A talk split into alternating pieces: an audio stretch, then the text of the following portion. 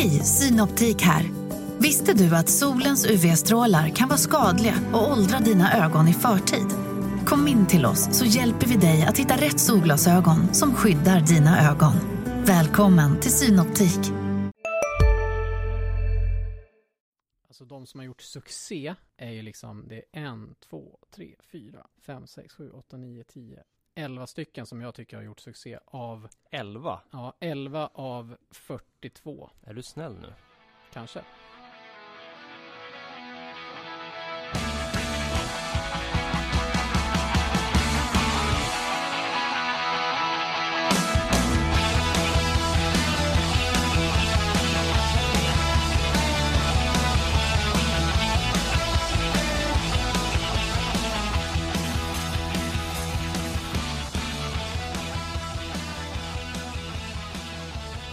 Välkomna till eh, Sportklubben med Hansson och Sjölin. Det här allra första avsnittet av eh, LT-sportens nya podd. Den kommer att handla om eh, hockey, Hockeyallsvenskan och SSK i synnerhet. Mm. Idag har vi ett avsnitt med silly season-fokus som vi har laddat upp med och vi kommer också då ta den stora värvningen SSK gjorde förra veckan av Matt Bailey. Det är ett av huvudnumren. Det är jag som är eh, Jakob Sjölin och bredvid mig här är Andreas Hansson. Hur är läget? Jo, det är bra. Alltså det är ju så nytt det här så man vet ju inte ens när man ska bryta in men eh, det här känns skitkul att vi kan göra det här. Eh, vi har ju funderat på det här rätt länge, att göra en podd och eh, nu är vi igång. Nu, det var dags. Vad är det som har lockat dig med att göra podd? Eh, det är väl det här formatet att vi kan, eh, låter ju otroligt klyschigt säga så, men, men att vi kan eh, prata lite mer om och liksom resonera mera. Vi har ju inte riktigt haft eh, de möjligheterna. Vi har haft tv som vi gör emellanåt. Eh, men då är det lite mer sådär, det ska vara kort och koncist och, och ska se bra ut också. Nu behöver vi inte se bra ut ens. Det är ju riktigt skönt faktiskt. Ändå sitter du här med ordnad frisyr. Ja, alltid. alltid. Från rätt håll också, du vet. Tv-frisyren. Men vår tanke är att det här ska bli en fördjupning av eh, våran eh, vardagliga inside-journalistik. Att vi ska kunna utveckla nyhetshändelser eh, eller reportage eller analyser vi gör. Att vi ska kunna bjuda in gäster och ha eh, längre samtal om hockey och SSK. Precis. Eh, ur olika perspektiv. Precis, vi ehm, ja, får, får eh, använda det här till att eh, lägga ut texten lite mer kanske och, och resonera lite mer och, och ja, försöka göra det så pass, ta er in så pass mycket som möjligt. Som du sa, liksom inside-satsningen går ju ut på att vi ska försöka att ge någonting, var, inte bara varje dag utan också ge liksom kvalitetsjournalistik. Att, att eh, ja, ta, ta med läsarna och lyssnarna in på, in lite grann bakom kulisserna i alla fall. För de som inte vet, var hittar man eh, den här eh, inside-satsningen om SSK? Alltså vi har ju LT.se såklart och Hockeypuls.se också. Hockey, båda finns ju som appar såklart. Och där läggs ut, lägger vi ut allting som, alla våra artiklar och allting vi gör om, om SSK. Och eh, eh, vad ska jag säga, det är ju inte bara vi som, och vårat, eh, vårat arbete som syns där, utan på Hockeypuls så samlar ju vi i i Bonnier då är det ju numera så satsar, eller alla artiklar från, det är Mora och det är Leksand, det är Brynäs, alla möjliga lag. Eh, så att eh, det finns ju flera sådana här inside-satsningar som görs inom våran koncern. Mm. Så, eh, och vi kör ju SSK fullt ut. Du är nog den journalist som just nu har den längsta streaken när det kommer till att bevaka SSK. Ja, alltså jag räknade ju på det eh, och det, man blir nästan lite chockad av att höra eller se liksom att det är 14 säsonger som man har eh, hängt med här. Det känns helt sjukt egentligen att det känns så långt som det är så lång tid.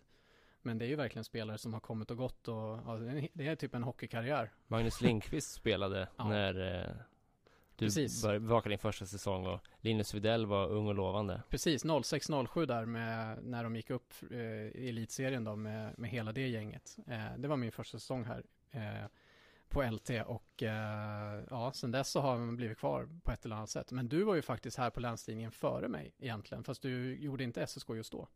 Nej, jag tvingade mig in här höll jag på att säga.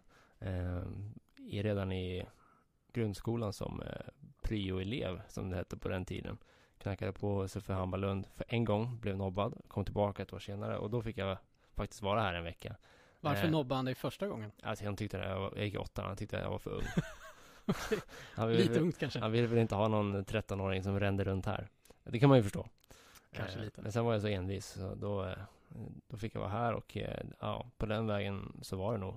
Det ledde till ett, ett gymnasiegig som frilansare och sen sommarvikariat efter gymnasiet och, och sen har man blivit kvar sen också efter universitetsstudier och lite andra jobb.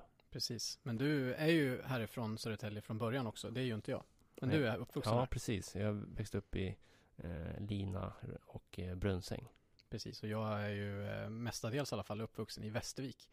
Eh, så smålänning, vilket inte alls hörs. Eh, inte ens östgötskan finns där, för det är faktiskt östgötska man pratar i Västervik. Men eh, nej, den har vi slipat bort och eh, nej, nu har man blivit kvar här och eh, trivs alldeles ypperligt med Södertälje och SSK. Det är ju en jäkligt rolig klubb att bevaka också. Det händer väldigt mycket grejer och intresset är väldigt stort. Så att eh, det är skitkul också att eh, vi ser sån efterfrågan och folk vill ju verkligen att vi ska skriva så mycket vi bara kan om, om SSK. Och då är väl en podd också sjuk, sjukt bra att uh, lansera känns det som. Mm. Ja, du springer på semester så fort vi har Ja, det ska jag faktiskt göra. Det är bara några dagar bort. Men, men det är klart, mobilen och datorn är alltid med ändå. Mm.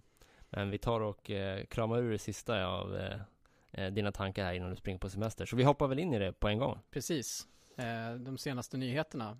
Det kom ju faktiskt en nyhet för, eh, ja det är några dagar sedan nu när vi spelar in det här, eh, att Matt Bailey har skrivit på ett ettårskontrakt då med eh, SSK.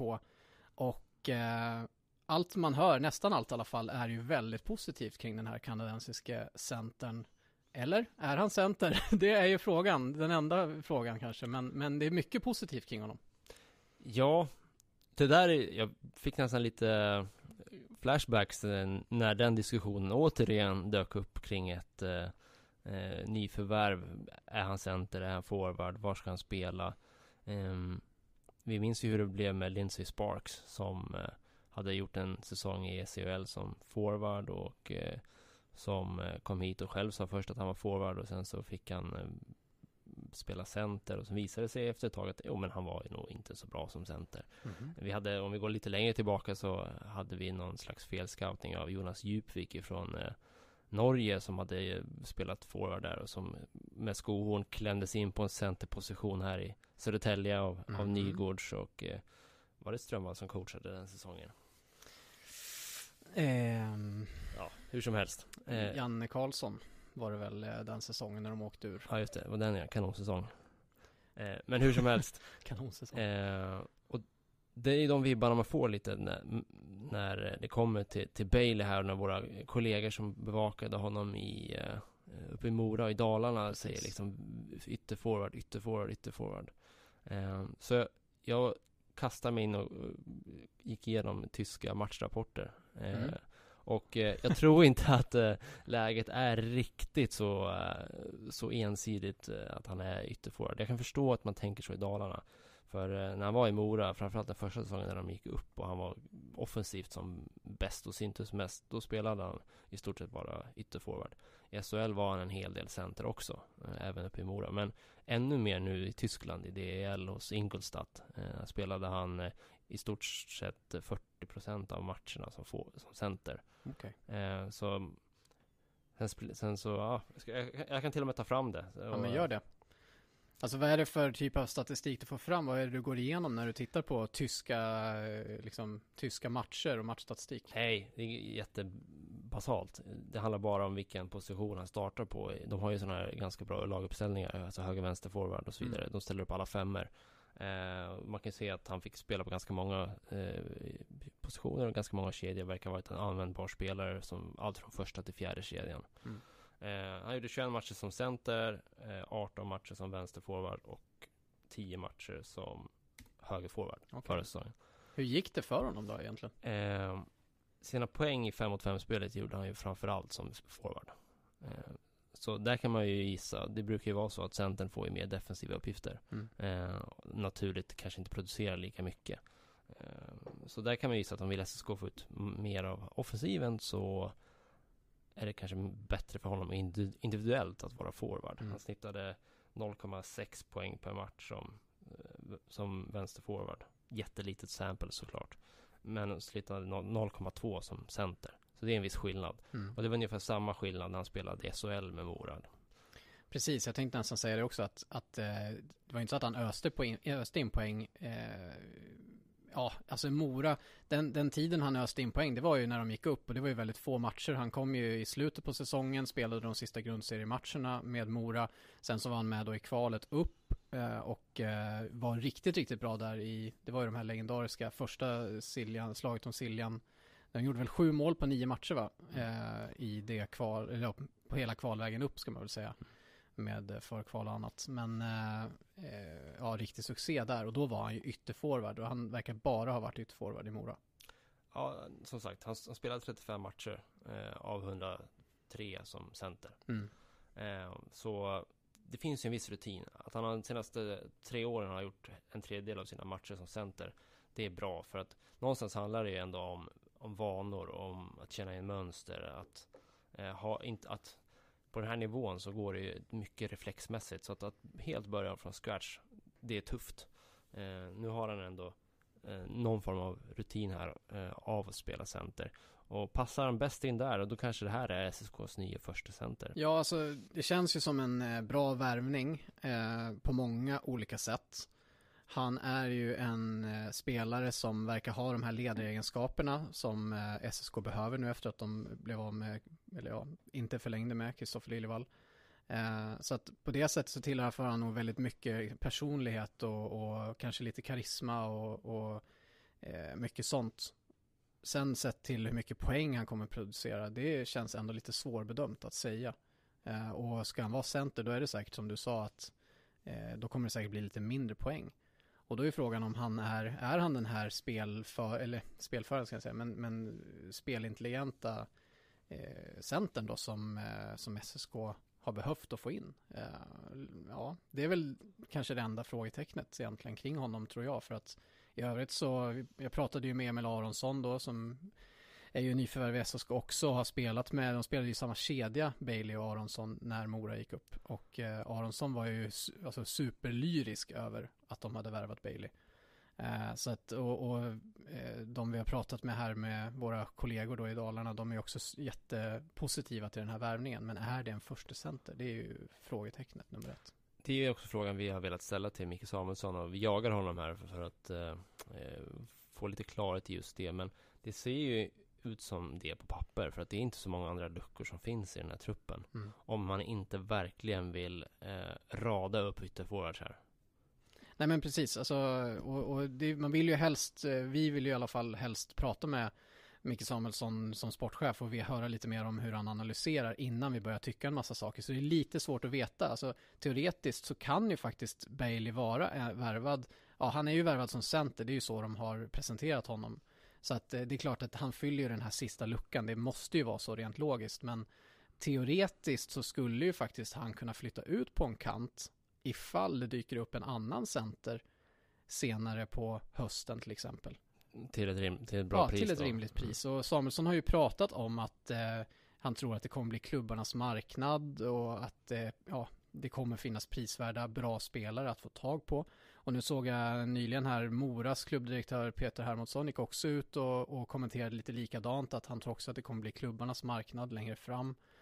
Eh, och, och, ja, det kanske öppnar upp det för att faktiskt värva en annan spelare som kan bli center. Och då kan ju Bailey flytta ut på kanten och, och ja, det skulle ju kunna bli väldigt bra i slutändan faktiskt. Hur ser du på att han inte är en writer?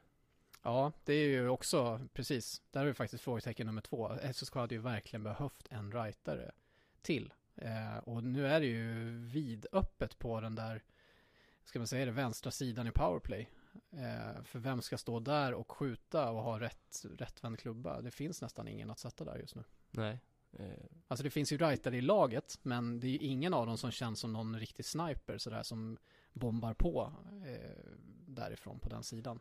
Måns Lindbäck kanske vet om det här och står på skottrampen i detta nu. Ja, det finns ju verkligen, alltså han, hade jag varit Måns Lindbäck så hade jag verkligen stått och försökt att, att hitta ett kanonskott i sig själv. Alltså för att det, det, det, finns verkligen utrymme för någon med en högerfattad klubba att, att få mycket chanser i, i SSK.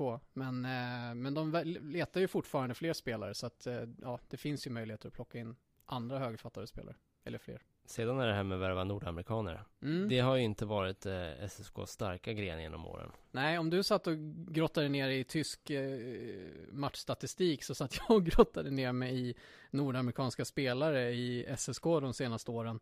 Eh, faktiskt så, eh, till att börja med så tänkte jag att det, det, känns inte som att SSK har värvat så mycket nordamerikaner, men, men jag bara jämförde snabbt med några lag som känns lite grann i samma situation som SSK.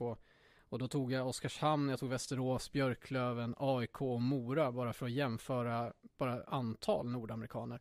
Och SSK har faktiskt värvat fler än alla de utom Mora. Mora har mest av de som jag rabblade upp. Eh, men SSK har värvat fler nordamerikaner eh, historiskt sett. Eh, fler nordamerikaner än Oskarshamn, Västerås, Björklöven och AIK. Det blev jag väldigt förvånad över. Men om vi då ska titta lite på eh, hur det har gått för nordamerikanska spelare så den senaste säsongen kom ju Justin Pogge in en väldigt kort period. Eh, och han får man väl ändå säga var godkänd. Ja. Eller skulle du säga att han gjorde succé till och med? Någon slags gränsland. Ja, jag, jag rangordnar nämligen alla, jag har rangordnat alla nordamerikaner faktiskt eh, och satt flopp, godkänd eller succé på allihop. Eh, Pogi för mig hamnade på godkänd då i mitten, men det är i alla fall okej okay, kan man ju säga. Men innan Pogi så hade vi väldigt många nordamerikanska, eller det var inte så många nordamerikanska spelare om man ska vara ärlig, men det är väldigt få som har lyckats. Så att eh, där har vi liksom Matt Reed, Ryan Lash, Patrick Jetman och Yannick Lehoux. Det är liksom de fyra bästa nordamerikanerna de senaste tio åren. Men vad är hitraten? Alltså hur ofta blir det bra? Ja, nu är det matte här. Ska vi börja med matte i första poddavsnittet? Det tycker jag. Men vad sa du? Var det 42 nordamerikaner? Ja, fast det är ju historiskt ända sedan uh, klubben grundades. Men ja, okej. Okay. Hur, hur många av dem har varit bra? Är det ens 10? Sju av 42 har gjort succé. Det är ju jättedålig utdelning. Det är inte bra. Eh, då kan man antingen fundera på varför det har varit så svårt. Vad tror du? Ja, för det första så ska man ju alltid komma ihåg, jag säger som Stefan Nyman sa, det finns inga garantier.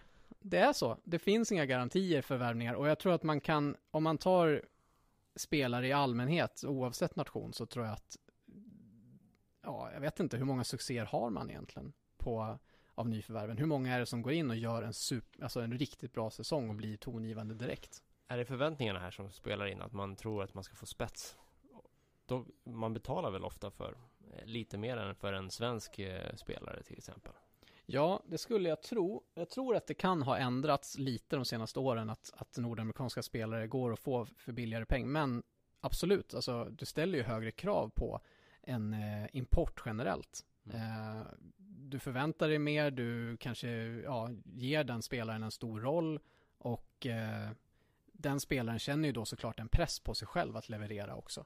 Även om den kanske inte tjänar mest i laget, det behöver den ju inte nödvändigtvis göra. Men det är klart att det är ju en stor chans, det är ju ett väldigt stort steg. Många av de här spelarna som kommer till SSK, de kanske inte heller har varit i någon annan svensk klubb förut. Så det är ju en jätteviktig säsong när de kommer hit, att, att här måste de leverera om de ska få en karriär i Europa. Det kan ju spela in också till exempel. Det jag känner här är också att det finns en outnyttjad del av marknaden som SSK inte har lyckats komma åt. För att vi ser ju varje säsong hur eh, kanadensiska och amerikanska spelare kommer till Sverige och spetsar lag. Mm. Gör skillnad. SSK har inte lyckats hitta de spelarna.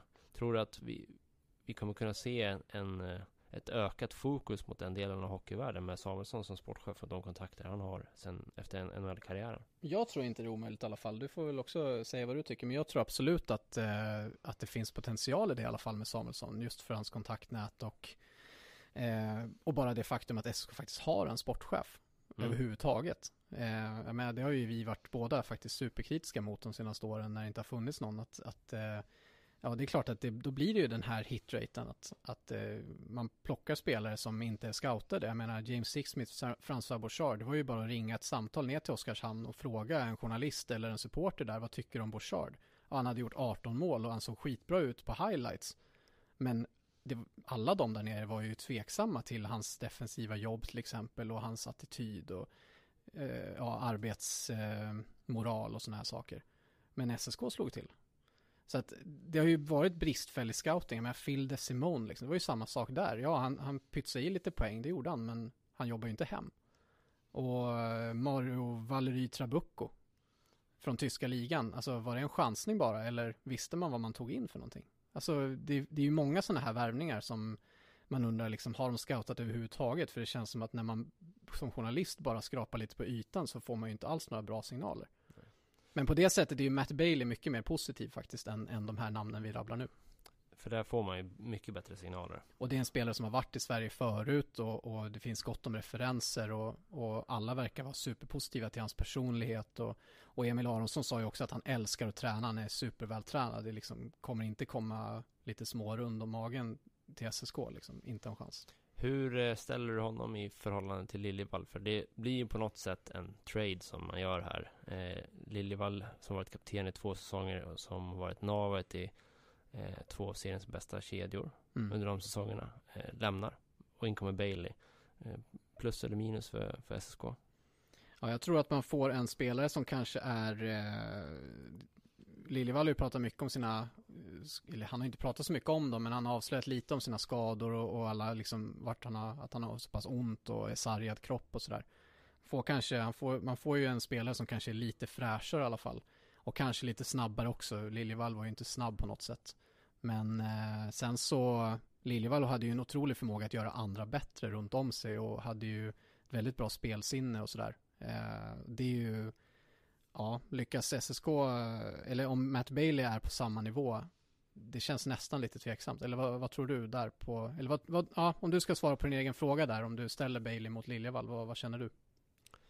Det är svårt att veta innan man har sett såklart Bailey spela i, i den här miljön. Men jag tror att mera kreativt ansvar i den där kedjan, om de behåller Blomstrand, Olesen och de med Bailey som center, kommer hamna på, på Nico Olesen. Um, att vara lite mera spelmotorn i, i den kedjan.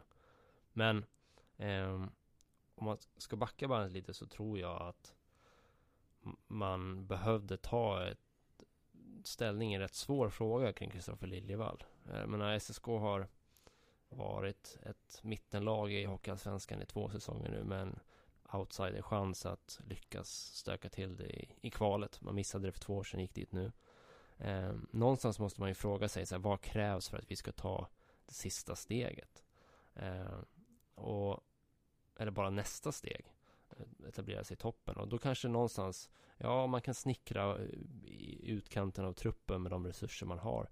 Men SSK tror jag landade i, i slutsatsen att vi måste också förstärka vår första kedja. För att, ja, som den har varit, de, lyfter inte oss mer till än till ett mittenlag. Mm.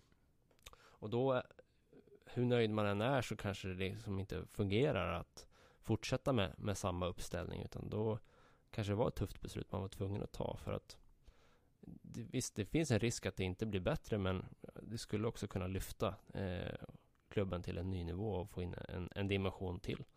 Eh, och sen som du säger, det är också det här elementet med Eh, det är väl att han var äldsta spelaren i, i, laget, att han haft en del skadebekymmer. Hur kommer han må närmaste tiden? Det är ingen jätterisk att signa honom på ett år extra. Men han hade kanske behövt vara tredje center då eller, eller längre ner i hierarkin för att det ska lira. Så, så någonstans kan jag förstå att man eh, ville uppgradera första eh, centerplatsen. Alltså det håller jag helt med om. Eh, jag tror bara, efter att ha pratat med Liljevall och jag, jag, tror verkligen att han är ärlig när han säger det, att han hade kunnat köpa en roll längre ner i hierarkin. Utan, men det som gjorde att han så abrupt valde att eh, tacka för sig, han, han hade ju inte ens meddelat SSK det, utan han, han sa det ju faktiskt i en intervju med oss här, liksom att att eh, han har stängt dörren och det var ju för att han, han blev lack, han lackade ur på, på SSK och Micke Samuelssons förhandlingstaktik att eh, Samuelsson gav honom ett, eh, ja, en sån rejäl lönesänkning som det var. Eh, den lönesänkningen kan man motivera, men jag tror att Samuelsson hade behövt en lite annan eh, förhandlingstaktik för att få Liljevall att vara kvar i klubben. Om det nu verkligen var så som Samuelsson säger att han ville ha kvar Liljevall i laget.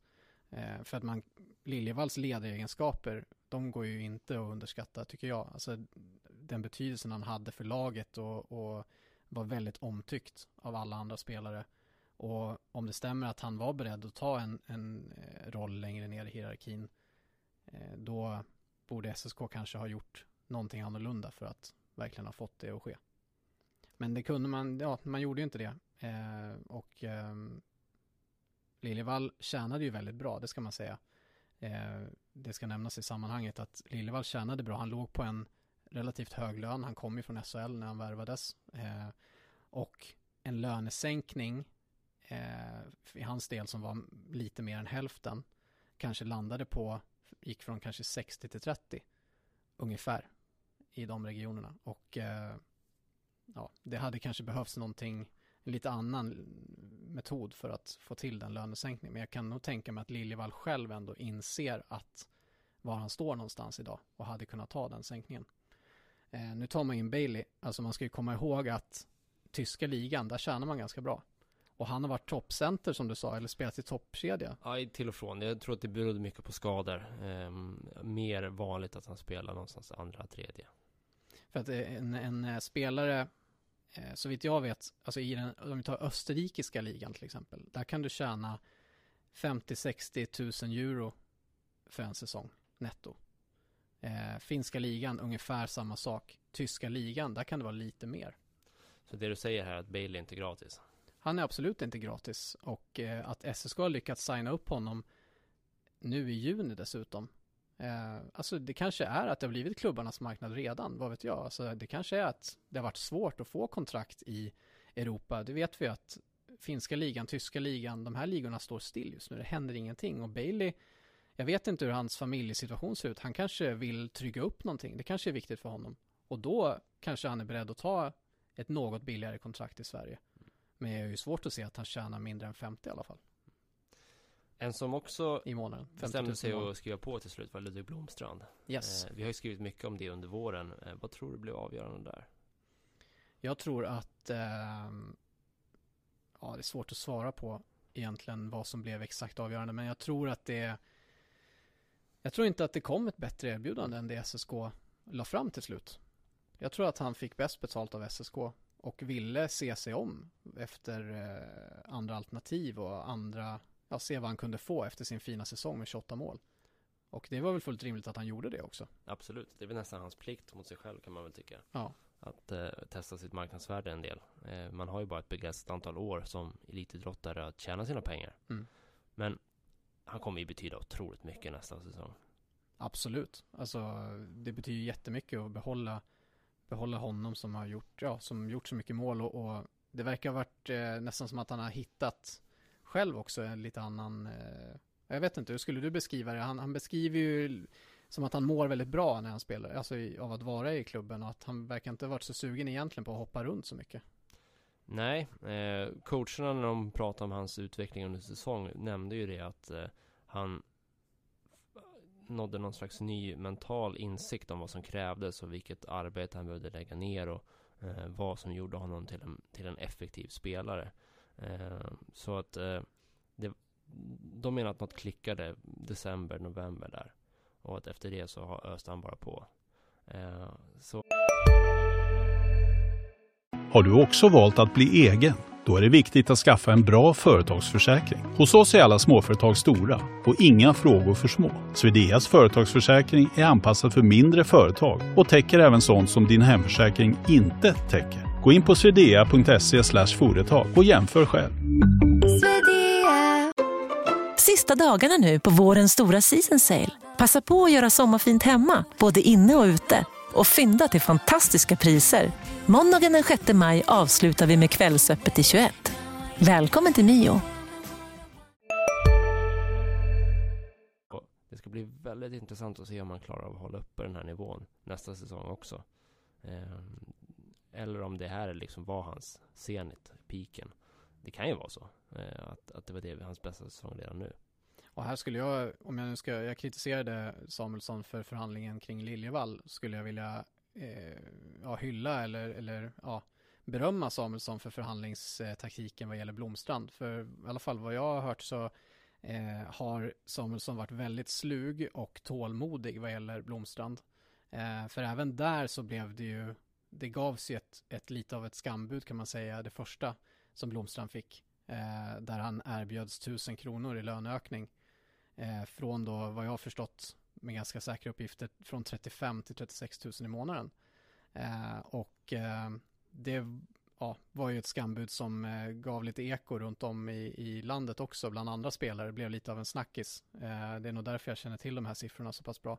Men eh, sen så har det där budet höjt sakta men säkert och eh, jag tror att Samuelsson satt på information som gjorde att han kunde vara lite mer kylig. Exempelvis att Blomstrand väldigt gärna ville vara kvar i Stockholm av eh, familjeskäl och inte var sugen på att flytta egentligen någonstans. Eh, och han visste nog på ett eller annat sätt att AIK hade andra saker på gång eller inte egentligen var jätte, jättesugna på att ta in Blomstrand även om de var med i racet ett litet tag.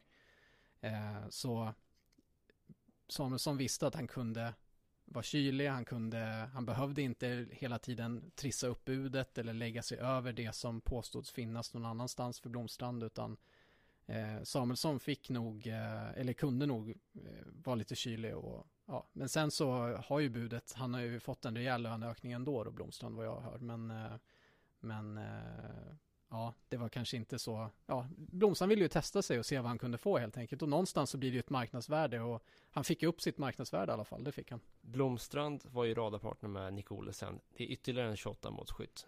Han är kontrakterad.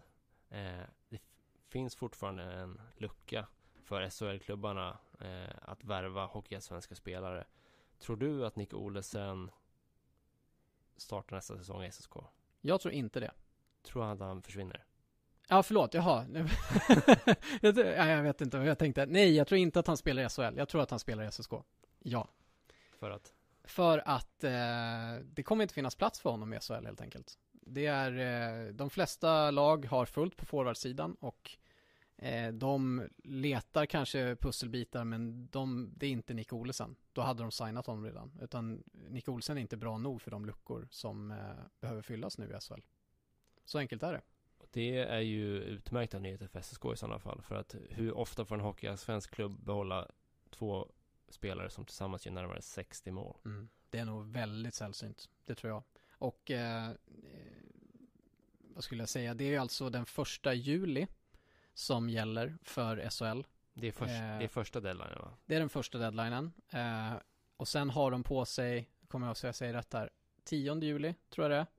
De har tio dagar, för de har ändrat de här datumen lite grann i år. Eh, och jag hade det uppskrivet här, ja det är ju typ så att jag inte tagit med det, men hur som helst, det är första juli som är det första och efter det så tror jag de har tio dagar på sig eller något i den stilen och då kostar det 300 000 kronor extra att värva den här, ja om de nu ska ha Olesen. Eh, så att eh, just det tal, ja det är väldigt kort om tid och en grej som också hade kunnat eh, öppna upp för Olesen i SHL om man ser ur det perspektivet är ju draften, NHL-draften. Eh, om det nu hade varit någon spelare som kunde ha försvunnit. Men eh, just nu vet vi inte ens när draften ska hållas. Och eh, annars så finns det ju en regel som säger att SHL-klubbarna får plocka en ersättare för en draftad spelare som flyttar direkt till Nordamerika 48 timmar efter draften. Mm. Så finns det faktiskt, det är så här litet kryphål i det här avtalet mellan SHL och Hockeyallsvenskan. Och eh, det, ja, det är väl oklart om de kommer kunna eh, utnyttja den regeln någonting överhuvudtaget i SHL-klubbarna eh, den här sommaren. Så eh, jag tycker att det är väldigt mycket just nu som talar för att Olesen spelar i SSK nästa säsong också. Med det så eh, ska vi kolla lite på silly i stort. Nu har vi avhandlat de eh, tyngsta puckarna. Eh, har också lämnat en del spelare från klubben. Jag eh, drar dem snabbt, de som bortsett från lånen då, August Berg och eh, ja, Adam, Adam Wilsby. David Berg, Filip Pili och Marcus Fagerud fick lämna backsidan. Martin Janås, Sebastian Bengtsson, Anton Blomberg, Liljevalden som var inne på. Eh, Gustav Lindberg, Emil Lind, Filip Ahl har lämnat klubben. Yes. Mm. vilka vill, tänker du på när du hör de där namnen? Det är inte så jättemånga som blir saknade känns det som. Eh, Liljevall såklart eh, och eh, till viss del kanske Sebastian Bengtsson. Men eh, ja, Filip Ahl såklart, alltså en, en tung forward sådär men eh, gjorde inget jätte, jätteavtryck i SSK heller den korta tiden han var här. Så jag vet inte, vad känner du? Ja, nej, Filip Ahl var ju framförallt en rental. Mm. Eh, alltså att han var i, här, skulle spela säsongen ut och sen så förmodligen inte mer. Eh, jag har sett att många supportrar som tycker att det är jättekonstigt att man kan släppa en, en som poängspelare. Men man får tänka på att det är mycket stor skillnad att ha honom på två månaders kontrakt eller på hela säsongen. Du menar ekonomiskt? Ekonomiskt och också plats i truppen. Eh, någonstans så tror jag att eh, vi ser varje år att trupper eh, förändras under säsongens gång. Det uppstår skador som gör att klubbarna måste agera. Någonstans är det inte helt vettigt att binda upp hela sin budget redan från start. Man måste ha någon form av flexibilitet ifall man får en skada på en målvakt eller en nyckelback som går sönder. Det behövs någon form av eh, handlingsutrymme. Eh, och dessutom så med de ytterforwards man har värvat. Jag ser inte var Filip skulle få plats någonstans. Mm. Skulle man värva ytterligare en forward till eh, Då är ju något av nyförvärven som hamnar på läktaren Det känns inte rimligt att värva Dahlström eller Heikkinen eller så och sen sätta Alba, sätta någon av dem utanför laget Varför skulle man då plocka in dem i, i första läget? Nej men precis Förstår inte det Och SS, eller Samuelsson har ju inte riktigt haft utrymme heller att, att uh, ha kvar i Al, Filip Ahl egentligen för att alla de här forwardsarna som de har plockat in då, Heikkinen, Alba Eh, och Dahlström, de har ju varit klara ganska länge faktiskt. Eh, och med Al kom in i januari och ja, några av de här Heikkinen och Alba kan mycket väl ha varit klara redan då. Mm. Det har inte funnits plats Nej. helt enkelt för, för eh, Filip Ahl. Så um, ja, men det, det, finns väl en, en gnuttas chans fortfarande att han kan bli, vara förlängt på något sätt liksom. Det beror på vad som händer, men det, det är ju alldeles för trångt nu. Då måste det ju hända saker i den här truppen eh, på något sätt att någon lämnar eller så. Men eh, ja. Hur tänker du att David Berg och Marcus Fagerud försvinner? Ja, det... Vad tänker jag? David Berg eh, fick ju spela med Andreas Hjelm och det var väl positivt för honom. Egentligen så hade han det lite kämpigt. Det finns någonting i David Berg absolut men, eh, men det är svårt att plocka fram det och Någonstans behöver SSK bli bättre även på ja, backsidan. Precis, och precis. han hade ett utgående kontrakt så det är ganska naturligt att då ersätta honom. Han tjänade säkert inte jättemycket så men, men, eh, men det finns ju bett, möjlighet för förbättring där såklart. Ja. Och vad gäller Marcus Fagerud så var det ju inte alls lyckat. Nej, det får man ju verkligen säga att eh, den värvningen blev inte som SSK hade tänkt. Det var nästan så att säsongen defensivt började vända lite när han och Oskarsson inte spelade längre. Eh, jag tror inte att det är en tillfällighet. Utan att ibland kan lag bli bättre av att man helt enkelt gör sig av med spelare som inte riktigt lirar i, i systemet. Eh, han kom in och skulle vara en offensiv back, lyckades inte med det, degraderades eller vad man ska kalla det, fick andra uppgifter. Och jag tyckte aldrig att han hade de defensiva egenskaperna som behövdes. Framförallt inte kanske i positionsspelet. Sen hade han ju det här skottet som eh, borde ha varit bra. Alltså vad, vi ska inte grotta ner oss i Marcus Fagerud, men, men varför fick man inte ut mer av honom ändå? Som, alltså han tjänade ganska bra och hade, alltså han har ju spetsegenskaper. Varför kunde man inte fått ut det mer? Ja men, ja, jag vet inte, han, han sköter ju mycket men eh, det är ganska låg procentighet när man skjuter från blå linjen också. Mm. Eh, det, det, ser ju bättre ut än vad det kanske är. Vad är det? Det är ett, en och en halv procent av skotten som går in därifrån. Då skulle man väl ha fått ner, ner honom lite längre ner då, ner mot cirkeln och, och att han skulle ha stått där mer och, och bombat ja, på. Samtidigt, det är också riskfyllt i, i 5 mot 5 spelet till exempel. Och ja, i 5 mot 5 går det ju inte, men i powerplay. Han testades ju i powerplay, det funkar inte något bra. Mm. Så att jag vet inte, jag tyckte han fick chanser men eh, tog inte alls tillvara på dem. Ja, svårt att veta, men är det något, någon, någon av spelarna Nej, du känner sådär som du kommer sakna? Det är på något sätt emotionellt lite synd att en spelare som kommer fram från ena led, eh, Filip Pilö, inte kan göra mer avtryck. Eh, det har varit väldigt få spelare från eh, SSKs pojkverksamhet som har nått A-laget egentligen senaste decenniet. Pilö är en av sex bara som mm. har kommit upp. En av sex? En av sex från den egna pojkverksamheten. Eh, så det är lite tråkigt ändå. Det är, det är, man gillar en story med en egen kille som eh, blir A-lagsspelare. Så att, eh, det är lite synd, men jag tror att eh, han kan kanske må bra av att utvecklas lite i, i Hockeyettan med Huddinge. Av nyförvärven, Emil Alba, Emil Aronsson, Jakob Dahlström, Anton Heikkinen, Henrik Malmström, Rasmus Karlainen och då Bailey som vi varit inne på. Förutom Bailey, av de här svenska nyförvärven, vem är du mest nyfiken på? Anton Heikkinen eh, måste jag ändå säga för att eh, Visst är det så? Ja visst är det så. Det tror jag, om man ser lite supporterreaktioner och sånt så känns det som att de flesta håller med mig där faktiskt. Eh, det känns som att det finns väldigt mycket potential i honom. Mm. De andra känns ju som ganska Kylainen är ju mycket oskrivet kort. Han kommer från Djurgårdens J20. Men de andra är ju ja, men så stabila tre plus värvningar more or less i Hockeyallsvenskan. Man vet vad man, ungefär vad man kommer få. Heikkinen, han kan ju bli en stjärna. Absolut. Eller så kanske det visar sig att han inte alls kan leva upp till de 15 mål han gjorde under sin rookiesäsong i Hockeyallsvenskan. Ja, men det, det, känns som en kille som har eh, väldigt intressanta egenskaper och som eh, har framförallt en spets i sitt skott. Eh, och han, tittar man på lite highlights med honom så ser man ju den här snabba Ja, han, han kan skjuta från väldigt konstiga lägen och, och får iväg sitt skott nästan om han är trängd eller liksom, han behöver inte särskilt mycket yta och det är ju väldigt användbart. Men den stora utmaningen med honom är ju att eh, hitta en omgivning som funkar då. Och att man ja, hittar kedjekamrater, för det hade han i Kristianstad som funkade väldigt, väldigt bra. Eh, och där hade han nästan lite av en fri roll känns det som att eh, söka lite yta och vara lite där, ja, där han eh, kände att det funkade bäst. Det var inte särskilt strikt i den kedjan med Dennis Svensson och Kalle Mikitinak heter han väl, eh, två spelskickliga spelare som mm. Eh, han snurrade runt med och eh, hittade ytor. Vilka tycker du man ska puckar. spela med honom i SSK? Ja, det är ju klurigt alltså. Man är lite sugen på att se honom med Hugo Gustafsson. Mm. Kan jag ju känna, just för spelskickligheten. Uh, Blir det inte en ganska liten då? kedja då med Hugo, Heikkinen och ja. Lindbäck? Ja, precis. Uh, kanske. Det, det, är väl en risk, absolut.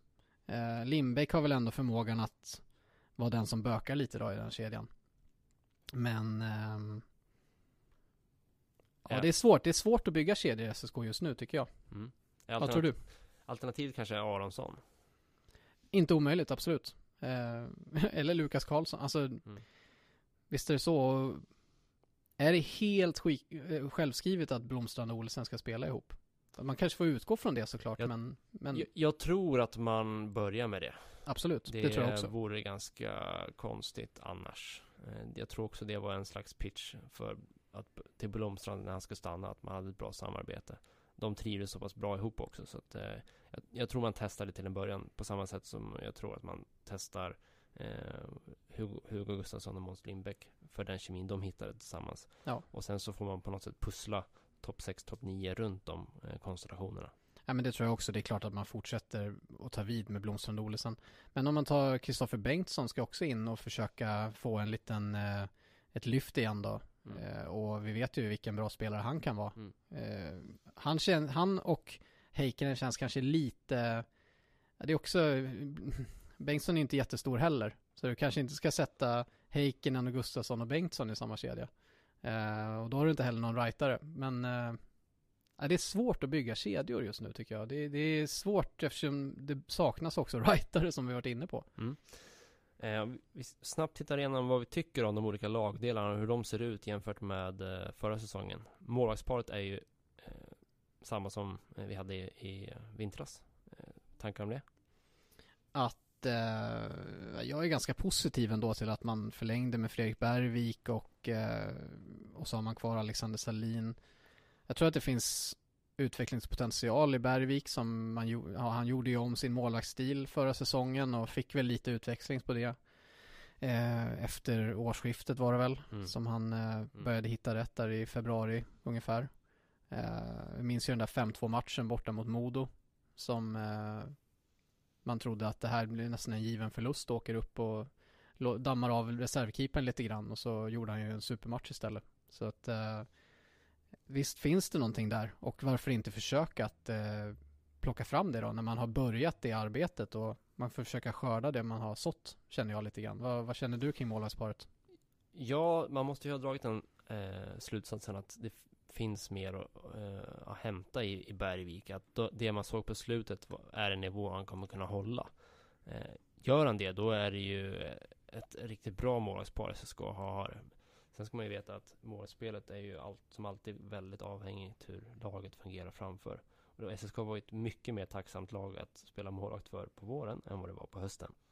Eh, det är bara att titta på skillnaden i Salins höst och vårsäsong till exempel. Mm. Jag tror inte att han var så extremt mycket bättre målvakt på våren än han var i november. Utan det handlar ju snarare om vilken typ av lägen eh, han får mot sig och vilken typ av press han måste hantera. När gjorde SSK en bra höstsäsong senast? Oj, Lite spontant, alltså det känns ju som att... Eh, Hockeyettan? Ja, precis. Alltså det, det känns som att det var ett tag sedan som SSK började säsongen bra. Annars så har det ju de senaste åren varit att man har börjat dåligt, sparkat tränaren, eh, ja, fått börja i brant uppförsbacke och tagit sig till slutspel på något konstigt sätt. Eller missat precis då. Nej, det... Jag tror på riktigt att det inte har hänt sen SSK åkte ur SHL att man haft en bra höstsäsong. Mm. Intressant, det där får faktiskt. vi grotta ner oss mer i faktiskt. Men eh, om vi tittar på backarna då, backsidan, eh, det är ju där luckorna finns kvar nu då. Ja, det är där det stora arbetet är kvar. Eh, hur ersätter man August Berg och Adam Wilsby? För att, som vi var inne på, det behöver bli bättre även där. Eh, behövs definitivt in en toppback.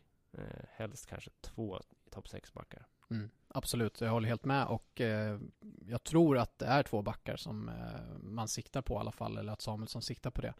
Och eh, båda ska väl vara högerfattade, eller hur? Det är så. Nej, jag vet inte, men eh, jag tänker att det vore, bra om de var det va? Med tanke på att det är bara Kalle Weng som är högerfattad nu. Exakt. Eh, och den där luckan i powerplay som vi var inne på. Så eh, det skulle tillföra eh, dimensioner i, i backspelet om det, om det var så. Så att det, ja, gärna det. Och vi har ju varit inne lite på det, det är väldigt eh, öppen plats där i powerplay också till, till vänster då, om man säger en högerfattad spelare. Där skulle ju en, eh, en bra back, alltså tänker mig att eh, ja, man kanske behöver en back som kan styra ett powerplay, men ja, dels det går ju kanske att styra ett powerplay därifrån eller så har man två spelare, alltså att man värvar en back som faktiskt kan, som har ett bra skott och som kan stå i powerplay och skjuta. Mm. Och Lite som Ullman har därifrån. gjort i Västervik eller eh, Ja, Drugge också gör eh, emellanåt från den ytan. Mm, precis, så, och, så de här två backarna, jag tänker mig att det kanske är en som är väldigt, väldigt offensiv så, eller har liksom den spetsegenskapen och en som är kanske lite mer tvåvägsback eller om man säger. Men ja, det utesluter inte att båda kan spela powerplay om man har, om man har ett bra skott.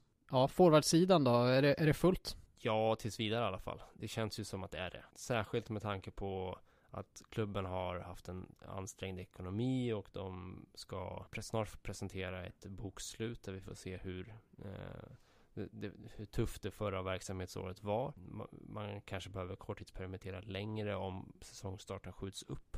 Så att jag tror inte att man värvar på sig mer än de eh, vad det nu är, 13 forwards som man redan har i dagsläget. Det Mm. känns väldigt långsökt. Eh, då kan man leta lån eller, eller sena värvningar efter eh, sommaruppehållet. Ja, men precis. Det, det, ju, det här betyder ju inte att man nödvändigtvis slutför säsongen med de här, den här forwardsuppsättningen, utan ja, det kan ju hända saker under säsongens gång, men, men Är- är just nu har man ju många. Är det bättre då? Bättre vadå? Än förra säsongen? Bra fråga faktiskt, och eh, den är inte jättesjälvklar att svara på va? Tycker jag, eller ja, jag vet inte. Ja, Jag får jag- fundera, vad tycker du? Jo, jag tycker ändå att det är avsevärt bättre ändå. Alltså, Avsevärt bättre. Jo, men så här. Spetsen, alltså kedja 1 och 2, är ungefär densamma. För att inte säga nästan exakt samma. Det är i princip Bailey som kommer skilja. Ja. Så toppen av laget har kanske inte blivit bättre. Men om du tittar på fjärde kedjan som SSK satte på isen förra året och så jämför det med fjärde kedjan som SSK kommer kunna sätta på isen. Alltså du kommer kunna ha Dahlström, Karlsson eller Aronsson som center och du kommer kunna ha Kahilainen eller ehm, ja, Heikkinen eller Alba som, som högerforward i en fjärde kedja. Mm. Har man Lukas Karlsson som i princip alltid gör 20 plus poäng i Hockeyallsvenskan som fjärde center. Då är man i ganska bra skick. Ja, men centersidan är ju bättre. Ja, och, absolut. och förra säsongen så hade man perioder där man skickade ut Karl Becker, Emil Lind, Nils Rygaard eller en junior eh, på en vinge i fjärde kedjan. Det är väldigt stor skillnad i kvalitet skulle jag ändå säga. Ja, men jag håller helt med på den punkten. Alltså man har ju mer djup Mm. och, och bättre spelare långt ner i kedjorna. Absolut. Jag menar, man, man eh, visst är det så, men, men är spetsen bättre då? Nej, Alltså, det, det är det jag säger. Ja. Det är inte så stor skillnad. Men vi har ju testat den här modellen nu i två säsonger med extremt bra spets och inget djup. Och det tog inte SSK så långt. Så jag tror, med, som coacher matchar spelare idag med mer jämn istid 5-5. Eh, det handlar mer om så här, vilken zonstart man får. Eh, så är det vettigt att man har en mer balanserad eh, forwardsuppsättning. Sen så är det viktigt att man har rollspelarna och spjutspetsarna i powerplay och special teams. Eh, man även har bra defensiva forwards som kan ta boxplay-spelet. Men modellen med mer jämn uppsättning tror jag kommer löna sig över tid. Så att det inte alltid bara är eh, en första kedja som måste avgöra matcher. Men det var ju smått parodiskt för två år sedan. Om inte Dyk och Maja gjorde poäng, då var det torsk. Mm. Varje gång. Det känns ju lite mer positivt nu när du har tittat på den här tyska matchstatistiken och sett att Bailey har spelat center. Det känns lite mer positivt för att annars så om vi nu då mer eller mindre kan anta att Bailey också är själv inne på att han ska spela center och inte är en ny Lindsey Sparks. I så fall så känns det som att laget också är mer balanserat och bättre och att det är tydligare, jag menar med rollfördelningen. Martin Janols spelade alltså center förra säsongen och ja, det, han var ju lite som Sparks där. Han sa ju det han behövde säga i media kändes det som, men, men ska ju inte spela center egentligen helst. Nej, och framförallt så fick han inte sin PP-tid som han Nej. egentligen behöver för att vara den spelare han är- på något sätt. Precis. Men, men det var för trångt bland vänsterfattade spelare i SSK förra säsongen. Precis, så att eh, på det sättet så kommer man ju ha i alla fall tydligare på det enkla sättet att det är ytterforwards och det är centrar och det behöver inte vara någon tveksamhet kring vart alla ska spela och det kanske finns nu när man har så stor trupp också klart tidigt att ja, det hade man i och för sig i fjol också men, men eh, man kanske kommer få ihop laget på ett bättre sätt från början eh, den här säsongen än, än förra. Jag vill nästan tro det i alla fall. Men sen är det det här med spetsen då att ja, Filip Ahl var inte med från början av säsongen så precis som du säger, han ska ju inte ersättas liksom med 46 poäng utan det är det han bidrar med som ska ersättas och, och Anton Heikkinen eh, är ju en väldigt intressant spelare som kanske faktiskt kan göra en 20 mål. Vem vet, och får Kristoffer Bengtsson eh, nu vara skadefri, vilket han är, kan han få ett lyft igen och, och bli den här 40-poängsspelaren en säsong till? Det är väl, eh, det, det handlar ju om hur de ska få ihop alla kedjorna. Jag, jag tycker det är svårt att formera kedjor just nu, men eh, ja. Tycker du det är svårt att formera kedjor? Eller ser du framför dig hur ungefär hur det, hur det skulle kunna bli? Jag tycker det är svårt att liksom, vem ska spela med vem och hur, vad passar ihop? För det är, det är väldigt liksom mångsidiga spelare som är i laget just nu, tycker jag. Mm. Ja, lite knöligt kanske. Eh, någon kommer ju kanske komma lite i kläm. Så där blir det väl upp till coacherna och sportcheferna att fundera ut vad de prioriterar. Vilka det är som är spikade på sina positioner och sen bygga runt det. Men nej, det är väl inte helt givet hur man ska ställa upp. Framförallt inte eftersom det är en del unga spelare som eh, Ja, hur högt vill man ha dem i hierarkin? Hur mycket istid är de redo för? Eh, hur mycket ansvar kan läggas på dem? De hade ju en sån diskussion med, med Hugo Gustafsson förra säsongen där han egentligen sattes in som första center direkt. Och i efterhand så se- ser nog lagledningen att det blev för mycket tryck eh, och för mycket att bära för snabbt. Medan han kanske är mera mogen för det den här säsongen. Mm. Eh, och det är ju samma diskussion man får ta med kring Heikkinen också till exempel. Vad är han redo för? Hur mycket kan vi lägga på honom redan nu?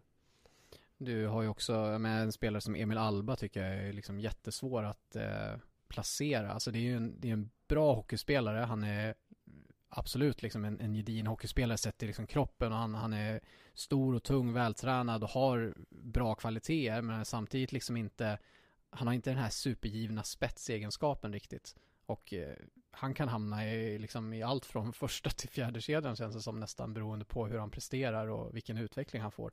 Men i Västervik hade han ju en jättestor roll. Mm. Och spelade i alla situationer och näst mest av alla forwards tror jag eller något sånt där. Så att eh, det finns ett djup precis som vi sa. Mm. Det, så visst är det positivt. Så på det stora hela visst är det väl bättre. Det, jag håller med dig. Men ja, det handlar om att hitta de här formationerna och att alla ska hitta kemi med varandra. Vi ska runda av, men eh, Micke Samuelssons eh, silly season så här långt, eh, hur många kringlor 1-5 skulle du ge den? Nu med Bailey, som jag är positiv till, så får SSK Silly i alla fall en, i alla fall en trea. Tre kringlor av fem eh, just nu. Sen så hänger det ju på de här backarna som ska in, hur bra det blir i slutändan. Gud vad, vad, vad säger du? Gud vad tråkigt, vi håller precis med. Ja, men det är ju lite så. Alltså innan, innan Bailey-värvningen så kändes det bara som två. Två, tvåa i betyg. För att, ja, det är inte, det saknas den här riktiga spetsen då om man får. du kallade det en håll käften-värvning förut. Vilken då? Eh, Att det saknades en håll Ja, käften-värvning. men exakt, exakt. Är Bailey en håll käften-värvning? Ja, men lite i alla fall. Eh, sett till hur, eh, hur låg eh, status ekonomiskt Hockeyallsvenskan ändå är i just nu. Så eh, är det lite av en håll käften-värvning faktiskt. Jag tror att eh, många andra klubbar i alla fall kan känna att eh, fan, Matt Bailey skulle vi ha haft i vårt lag. Det tror jag. Mm. Med det så tar vi och rundar av det här första avsnittet. Vad har vi på gång här sista dagarna innan eh, semestern?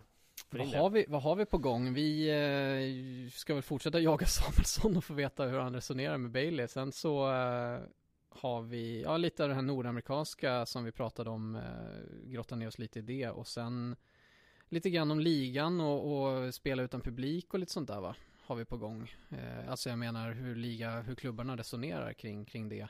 Mm. Eh, och, och, lite sånt vi kan, väl, vi kan väl pitcha för att det kommer en intervju med förre SSK-tränaren Ulf Lundberg så småningom på eh, lt.se och eh, Just det, höll på att glömma helt. Jag har ju gått runt i, runt Årstaviken i nästan två timmar med Uffe och pratat om ja, tiden i SSK och egentligen hans första intervju någonsin sen, någonsin, första intervju, väldigt långt perspektiv, första intervjun i alla fall sen han lämnade klubben Eh, han har inte pratat så mycket om SSK och inte velat ställa upp på intervju med oss heller förrän nu. Mm. Så att uh, den uh, kommer vara läsvärd, det kan jag nog lova. Sen nästa vecka är det årsmöte. Det får ni inte missa. Vi kommer såklart följa det och rapportera därifrån. och mejla oss gärna. Skicka synpunkter och feedback på den här podden. Yes dela och eh, lyssna så hoppas jag att eh, det blir ett uppskattat och återkommande inslag. Nästa podd, då är Andreas i en solstol och sippar på en paraplydrink. Jag kommer sitta här med en gäst. Vi återkommer med det och eh, så får vi väl säga tack för att ni har lyssnat. Ja men tack, ha det så bra.